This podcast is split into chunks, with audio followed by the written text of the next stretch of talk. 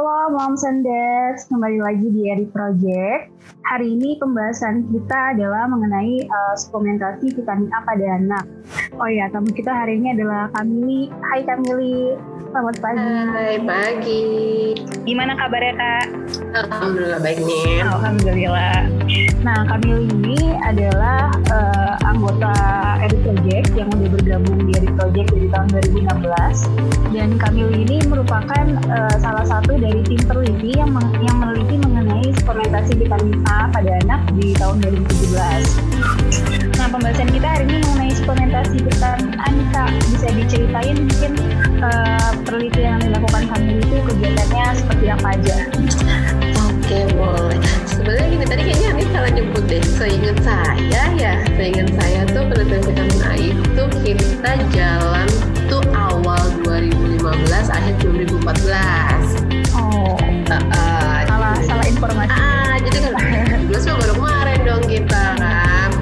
Dan jadi tuh di akhir 2014 awal 2015 Eri Project tuh dapat hibah penelitian dari Danon Institute yang diketuai oleh Bu Eri ya diketuai oleh Bu Eri dan itu kita uh, judul besarnya karena kan ada payungan uh, kebetulan kita payungan dan kebetulan juga uh, salah satu tesis saya masuk ke dalam payungan penelitian tersebut gitu.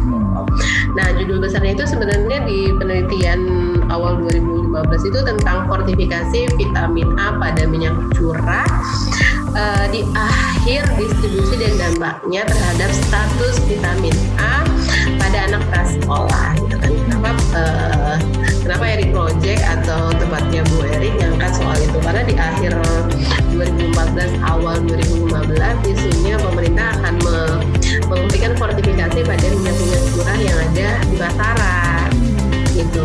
Jadi kita tuh uh, jadi Eri Project tuh pengen tahu sebenarnya fortifikasi yang selama ini dijalankan oleh pemerintah itu berpengaruh nggak sih terhadap uh, status vitamin A? Karena status vitamin A itu kan dicek dengan melihat serum retinolnya ya. Tidak yeah. hanya dari asupannya gitu. Awalnya itu. Dan uh, kita di mana atau uh, penelitiannya seperti apa jadi sebelum kita terjun ke lapangan seperti biasa lah ya perizinan dan sebagainya setelah dapat hibah uh, review-review oleh Eri Project gitu oleh Bu Eri terus kita menentukan lokasi nah untuk menentukan lokasi pun kita nggak sembarangan karena kita harus ada kayak literatur atau teorinya dulu yang supaya kita nggak salah target gitu sini. Mm-hmm. Untuk spesifik penelitiannya itu tentang apa ya kak? Nah untuk spesifik penelitiannya itu sebenarnya kita pengen lihat asupannya pertama ya asupan uh, zat gizi yang di uh, yang dikonsumsi oleh para anak-anak kan kita kenapa ngebahas anak gitu kan? Anak prasekolah itu antara usia 1 sampai 3 tahun. Karena pada usia 1 sampai 3 tahun itu itu perkembangan atau lagi golden age-nya mereka kan. Nah, jadi kita mau tahu dengan uh, uh, asupan apa aja sih asupannya mencukupi atau enggak? Terutama si vitamin A gitu. Jadi lebih spesifik sebenarnya kita ke anak terus uh, ya kita mau lihat asupan, kita mau lihat serum retinol, kita mau lihat kondisi uh, apa namanya, kita mau lihat pengaruhnya terhadap morbiditas kan, morbiditas anak karena menurut uh, dinas kesehatan itu, dinas kesehatan di Indonesia morbiditas anak-anak tuh makin lama makin tinggi gitu. Nah jadi di situ sekalipun kita uh, sekalian kita mau lihat uh, dari segi PHBS-nya uh, dan sebagainya gitu nih. Oh oke okay, gitu. Untuk tujuan dari penelitiannya berarti tadi ya melihat uh, uh, asupan, asupan, uh, asupan pada anak, terus uh, retinol pada anak sama lebih ke sanitasi lingkungan sih itu yang kita lihat sebenarnya. Untuk hasil penelitiannya gimana nih kak? Nah untuk hasil penelitian setelah uh, hasil besarnya itu ternyata asupan uh, vitamin A yang dikonsumsi oleh anak-anak di daerah tersebut, di daerah tersebut itu masih kurang gitu kan. Nah dari segi kalau misalnya kita ngomong kurangnya asupan, berarti kan kita juga banyak faktor ya, banyak faktor yang mempengaruhi kenapa kurang, entah dari uh, ketersediaan bahan pangannya mereka atau dari pekerjaannya orang tua atau bahkan lingkungan pun mempengaruhi untuk uh, rendahnya asupan. Jadi Ini. untuk peran uh, vitamin A sendiri, asupan vitamin A terhadap anak pertumbuhan dan perkembangan anak itu menurut kami gimana kak?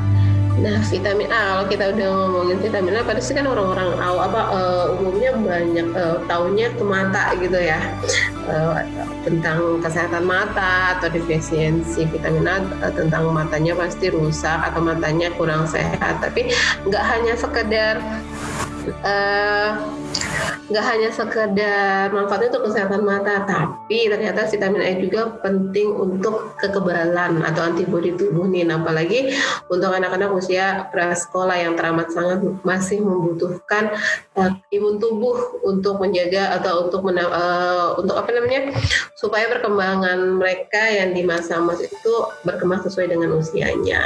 Gitu. Jadi vitamin A tidak hanya uh, untuk kesehatan mata, tapi juga vitamin A penting untuk meningkatkan kekebalan tubuh, kekebalan tubuh dan kesehatan sel-sel tubuh, terutama untuk rambut, kuku, terus kulit, terus pertumbuhan perkembangan anak di usia uh, masa-masanya mereka, gitu. Itu peran vitamin A. Gitu. Jadi nggak cuma untuk mata aja sebenarnya, ya, kayak banyak untuk mata, tapi vitamin A itu ternyata banyak banget manfaatnya. Oke. Okay untuk kalau misalkan kekurangannya nih kak dampaknya ke anak gini karena nah. kan banyak yang anak yang defisiensi vitamin A Nah, jika kekurangan vitamin A itu biasanya salah satu yang kelihatan ya, yang langsung kelihatan tuh biasanya ke mata kan gitu, gangguan mata pastinya itu udah pasti banget kelihatan. Tapi jika terjadi pada pertu uh, juga berdampak pada pertumbuhan dan perkembangan si anak yang 1 sampai 3 tahun itu, anak gampang mudah sakit karena kan imunnya turun. Apalagi didukung dengan lingkungan yang tidak mendukung, yang sanitasinya nggak baik, PHBS-nya, terus uh, lingkungan atau kebersihan lingkungan itu bisa banget uh, sangat meningkatkan morbiditas uh, pada anak-anak. Jadi berdampak pada selain mata juga pada pertumbuhan dan perkembangan itu pasti banget imunitas turun dan kelihatan lagi pasti kulit tuh beda banget sama yang asupan vitamin A-nya tuh gak cukup gitu. Kulit tuh kelihatannya kusam. Untuk kita kita selain anak juga kalau udah kulit kulit kulit, kulit kelihatannya kering kusam itu udah deh salah satu tanda kekurangan asupan vitamin A. Jadi dampaknya banyak banget ya kayak. Ya? Iya banget. Gak cuma dari mata aja. Uh, uh, nggak nggak hanya dari mata aja gitu kalau dilihat dari penelitian yang dilakukan Kamili kan masih banyak nih anak yang defisiensi vitamin A. Menurut Kamili, uh, faktor apa aja sih yang menyebabkan seorang anak itu bisa kekurangan vitamin A? Nah kalau kita udah ngomongin apa sih penyebabnya kekurangan vitamin A, pasti kan asupan gitu ya, asupan vitamin A dari berbagai sumber gitu kan. Nah, selain asupan sih banyak faktor sebenarnya nih yang menyebabkan kekurangan vitamin A, yaitu salah satunya asupan sumber vitamin A gitu kan. Kalau tapi di balik asupan kita juga berbicara lagi gimana sih lingkungannya gitu kan. Apakah lingkungannya atau penyediaan pangan asupan vitamin A-nya cukup gitu kan? Ketersediaan pangannya cukup. Terus pendidikan si ibu juga kan kadang orang berpikir uh, kekurangan vitamin A pasti kekurangan suplemen. Gitu nggak sih Nin? Iya, orang-orang ah, yang orang-orang uh, ibu-ibu tahu gitu kan kekurangan vitamin A pada oh kurang nih suplemen vitaminnya gitu apa. Nah, tapi ternyata tuh nggak hanya uh, untuk mencukupi kebutuhan vitamin A itu tidak hanya dari suplemen justru lebih harusnya ke makanan. Nah kalau udah balik penyediaan makanan berarti kan kita juga harus balik lagi dong ketersediaan apa aja nih yang ada di lingkungannya kan jadi selain asupan kita juga harus lihat gimana ketersediaan pangan mereka gitu kan. Yang ada di rumah di rumah tangga terutama. Terus gimana uh, lingkungannya. Jadi kalau udah asupan vitamin A-nya kurang itu tuh biasanya ngerembet nih. Jadi anak-anak tuh kadang uh, morbiditasnya tinggi dan penyakit penyertanya itu biasanya dia diare ISPA itu kalau tidak didukung dengan lingkungan yang bersih gitu. Jadi banyak kalau kita ngomong apa sih gitu kan penyebabnya atau faktornya itu nggak bisa ngejat satu faktor, tapi kita harus lihat dulu dari multi udah dari multi faktor gitu. Jadi kalau emang mau memperbaiki tidak hanya dari segi asupan, tapi kita lihat dari lingkungan-lingkungan yang ada gitu. nggak cuma dari asupan aja iya nggak cuma faktor lingkungan juga berpengaruh uh, faktor lingkungan sangat sangat berpengaruh oke okay. Terus uh, kan saat ini pemerintah punya hmm. program suplementasi vitamin A dilakukan hmm. dua tahun eh dua kali setahun ya. Tahun dua kali. Ya. Bulan apa coba? Agustus. Uh, ya, kapsul merah dan kapsul biru kan. Uh. Menurut menurut Kamili uh, cakupan keberhasilan itu kayak gimana? Apakah nah. dengan uh, anak melakukan anjuran program itu vitamin A-nya dapat apa? Nah, kalau kalau kita ngelihat data dari Dinas Kesehatan Provinsi atau Dinas uh, Dinas Indonesia gitu ya apa uh, menurut saya itu tuh sebenarnya kecukupan uh, suplementasi vitamin A kita terutama untuk anak-anak usia satu sampai lima tahun kan ya dibagi dua itu kan. Nah itu tuh udah lebih dari 80 persen nih. Jadi itu bisa dibilang cakupannya udah lumayan tinggi gitu. Jadi misalnya udah udah memenuhi lah untuk mereka me, bisa mendapatkan semua suplemen vitamin A gitu. Tapi balik lagi nih di datanya memang banyak gitu kan, di datanya memang sudah tinggi. Tapi apakah terdistribusi dengan baik atau enggak ke bawahnya? Gitu. Nah sedikit cerita ya Nin. Jadi uh, masih payungan dari penelitian si vitamin A Eri Project juga. Jadi saya ngelihat dari segi uh, distribusi vitamin uh, distribusi suplemen vitamin A-nya itu. Jadi saya juga ngerasa nih kok tinggi apa uh, distribusinya sudah bagus tapi kok masih banyak anak-anak yang kekurangan vitamin A gitu kan kita lihat dari suplemennya uh, nah ternyata memang dari tempat yang kita teliti ya. Dia memang sudah terikot mendapatkan gitu kan mendapatkan suplemen itu.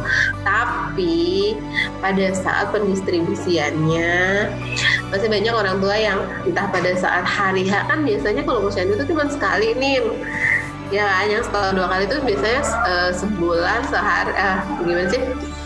Terjadwal ya terjadwal. Nah ketika jadwal itu ada nasi ibu-ibu nggak datang ke posyandu. Jadi kan uh, dia uh, jadi anak tidak bisa diberikan. Tapi di atasannya terhitung mendapatkan gitu kan itu jadi nggak sampai lah ke si anak gitu. Jadi uh, hasilnya suplementasinya terdistribusi dengan baik tapi ke bawahnya uh, ke bawahnya uh, tidak dikonsumsi oleh anak atau si kader biasanya dititipin ke ibunya dan biasanya ibunya lupa gitu nih yang udah menurut hasil yang saya kan karena saya menambahkan variabel dari dari project kan menambahkan variabel dari uh, kegiatan yang sudah ada gitu. Jadi kalau ditanya, iya mbak saya dapet gitu kan, cuma lupa ngasih ke anaknya.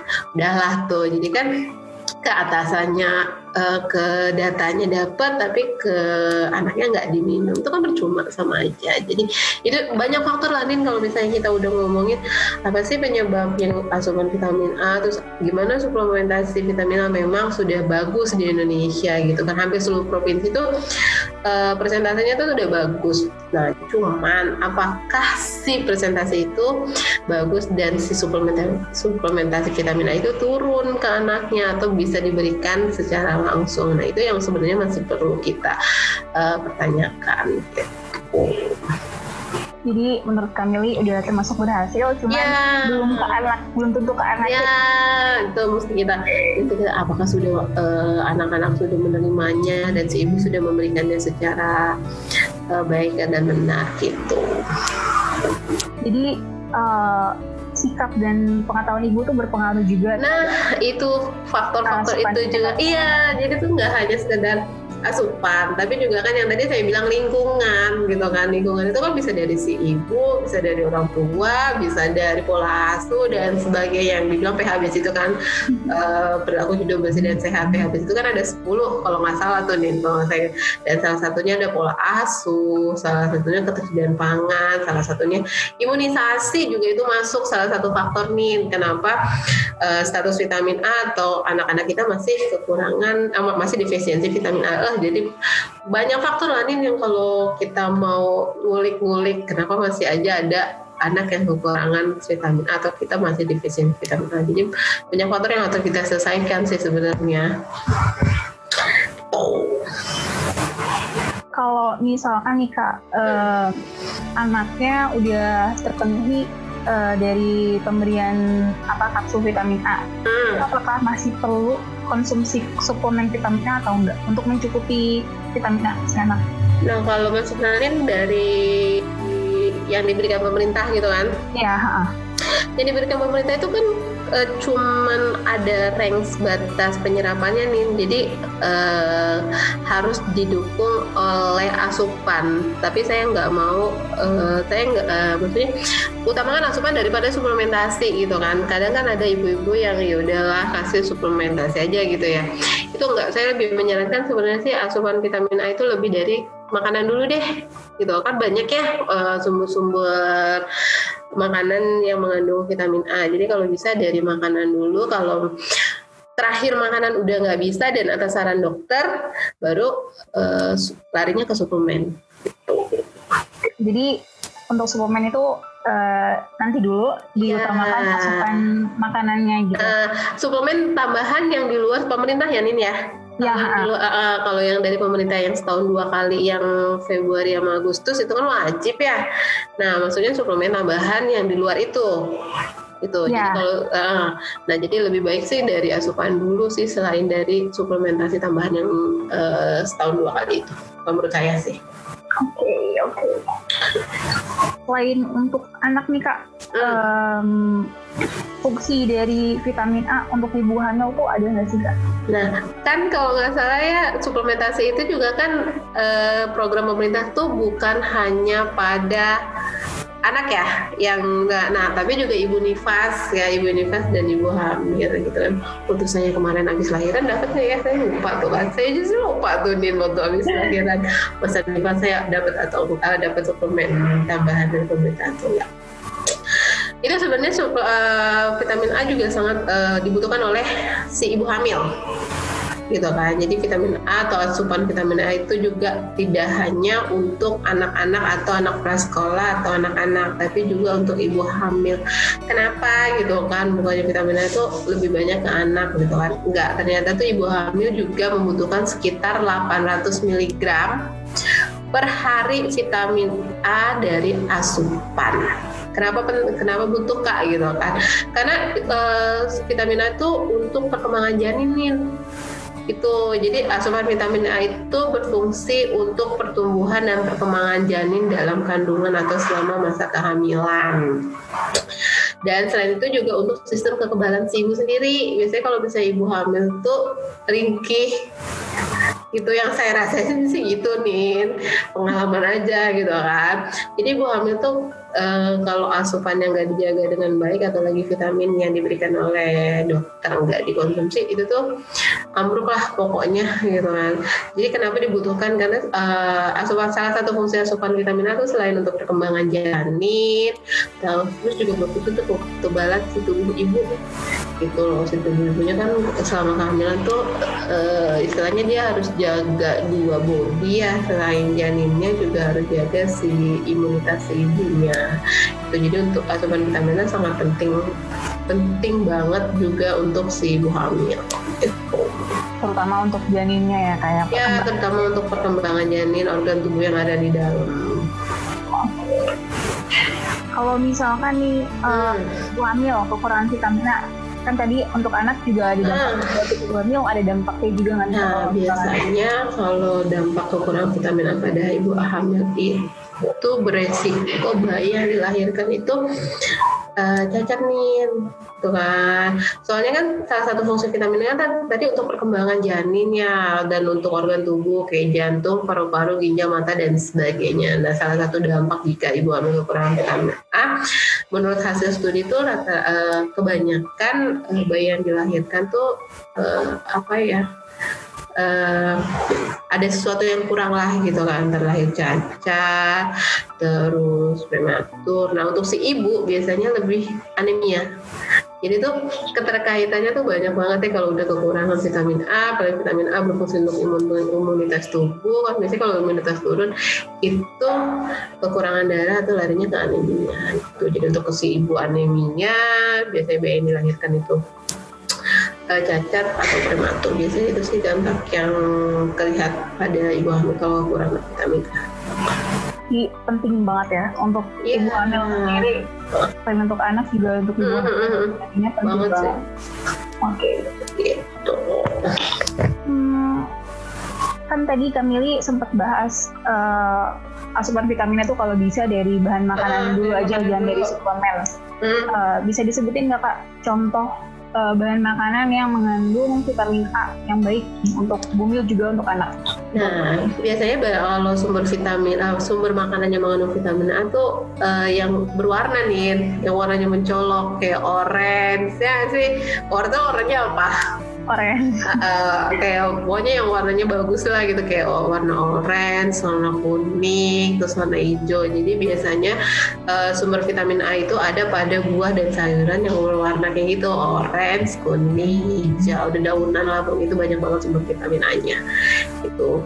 Sebenarnya murah sih Min. Maksudnya uh, apa yang kita makan tuh sebenarnya ada di sekitar kita. Cuman balik lagi ke ibunya. Kalau misalnya ibunya ya dan balik lagi ke pengetahuan uh, ibu hamil pengetahuan kemampuan si orang tua gitu kan. Kadang kan orang-orang berpersepsi uh, makanan sehat mahal ya. Padahal tuh enggak makanan sehat atau makanan yang bergizi itu ada di sekitar kita. Maksudnya yang bisa kita beli dengan uh, uang yang kita punya gitu kan. Kayak wortel beli satu dua itu udah cukup gitu kan untuk si ibu gitu kan. Wortel pisang pokoknya warna-warnanya uh, kecil lah. Kecing itu biasanya banyak banget sumber vitamin A jadi banyak banget bahan makanan yang mengandung vitamin A gitu kan ya jadi jangan pernah takut kekurangan sumber makanan yang bergizi lah pokoknya asal kita mau berusaha asal kita mau mencari asal kita mau uh, membuka pengetahuan kita itu ada di sekitar kita Oh, siap. Oke. Okay. Uh -uh. Kalau solusi atau tipsnya nih, menurut Kamili biar uh, vitamin A terpenuhi pada anak juga, pada bumil juga itu kayak gimana? Tipsnya itu ya tadi uh, konsumsi jelas uh, makanan yang banyak mengandung terutama uh, sumber vitamin A tadi ya yang kayak sayuran berwarna hijau, buah-buahan warna orange atau kuning ataupun vitamin makanan makanan-makanan yang lain. Jadi utamakan sumber vitamin A dari makanan. Kalau memang sudah tidak bisa terpenuhi dari asupan, itu baru ke suplementasi uh, tambahan tapi harus atas izin dokter. Gitu. Karena kenapa? Karena nanti ada adanya uh, interaksi antara makanan dan suplementasi. Bukan jatuhnya malah membuat kita sehat tapi malah uh, ada hal-hal yang tidak diinginkan. Gitu. Kalau hmm. tadi untuk anak nih kak. Kan hmm. tadi uh, ibunya berpengaruh besar terhadap uh, asupan vitamin A pada anak. Jadi mm. edukasi ke ibu mengenai kekurangan vitamin A pada anak itu penting banget gitu.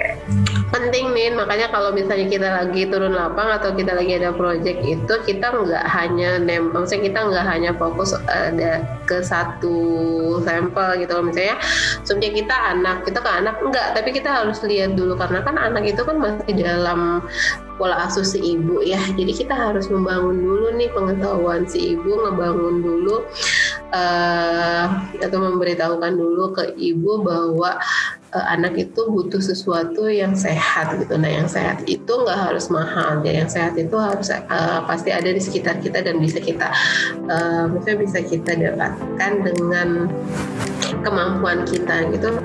Jadi uh, saran oke okay, supaya anak-anak terpenuhi yaitu kita si ibunya dulu. Peran ibu peran orang tua peran keluarga itu jauh lebih penting. Uh, jauh lebih penting untuk meningkatkan perkembangan atau meningkatkan asupan anak. Hmm. Mungkin ada saran nih dari kami tentang uh, suplementasi kita A pada anak itu untuk nah, teman-teman kalian uh, kalau saran saya untuk suplementasi vitamin A untuk ibu-ibu atau ibu hamil yang kalau ada program pemerintah yang setahun dua kali sok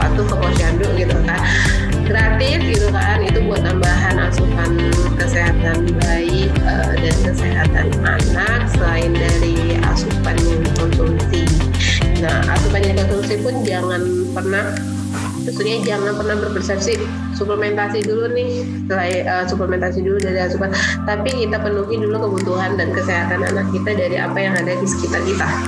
Gitu. Jadi kita harus memperbaiki uh, pola pikir kita. Kita harus memperbaiki pengetahuan kita untuk kesehatan uh, untuk kesehatan dan perkembangan anak ataupun janin gitu.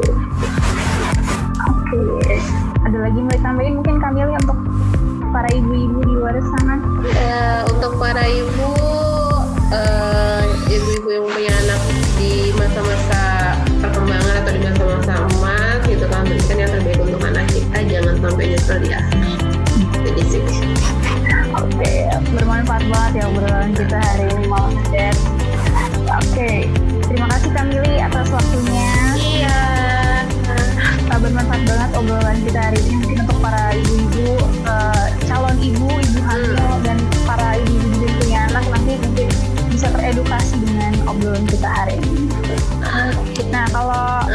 dads mau update seputar gizi mengenai ibu dan anak bisa kunjungi di IG, Facebook, dan YouTube Eric Project.